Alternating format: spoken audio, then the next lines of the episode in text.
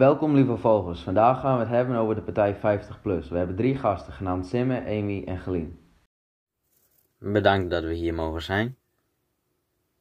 Binnenkort in maart zijn de verkiezingen weer en we gaan onze gasten vragen over hun partij. Vertel ons wat over jullie partij.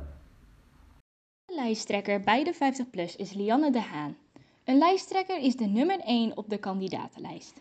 Lianne wil met 50PLUS niet aan de zijlijn staan, maar meedenken en vechten voor de zaken die 50PLUS wil bereiken. En daarom is zij onze lijsttrekker. Oké, en vertel eens wat over jullie standpunten. Allereerst willen we de AOW weer terug naar de leeftijd 65 jaar. Is dat volgens jullie een goed standpunt?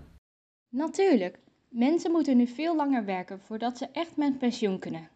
Hierbij kunnen ze niet lang genieten van hun geld dat ze over de tijd bij elkaar hebben gewerkt. Ook een standpunt dat de koopkracht van ouderen hersteld moet worden en gelijk gehouden worden moet, is een erg goed standpunt omdat ze even goed recht hebben om voor dingen te sparen en dingen die ze graag willen kopen. Ze moeten al heel lang doorwerken voordat ze echt in hun vrije tijd komen en uitjes kunnen doen. Daarvoor moet de koopkracht dus gelijk, zodat zij kunnen genieten van hun pensioen. Daarop aansluiten kunnen we ook bij een standpunt zeggen dat ze juist aangenomen moeten worden op basis van hun leeftijd. Want zij hebben veel werkervaring en sluiten zo hun werkcarrière goed af met een goed pensioen.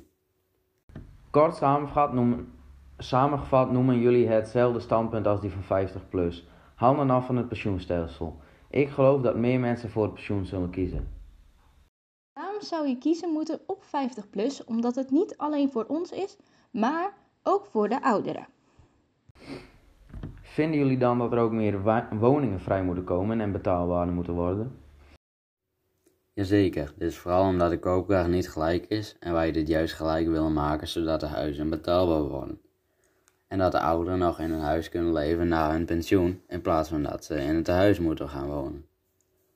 Omdat ze niet genoeg geld krijgen om dit te betalen.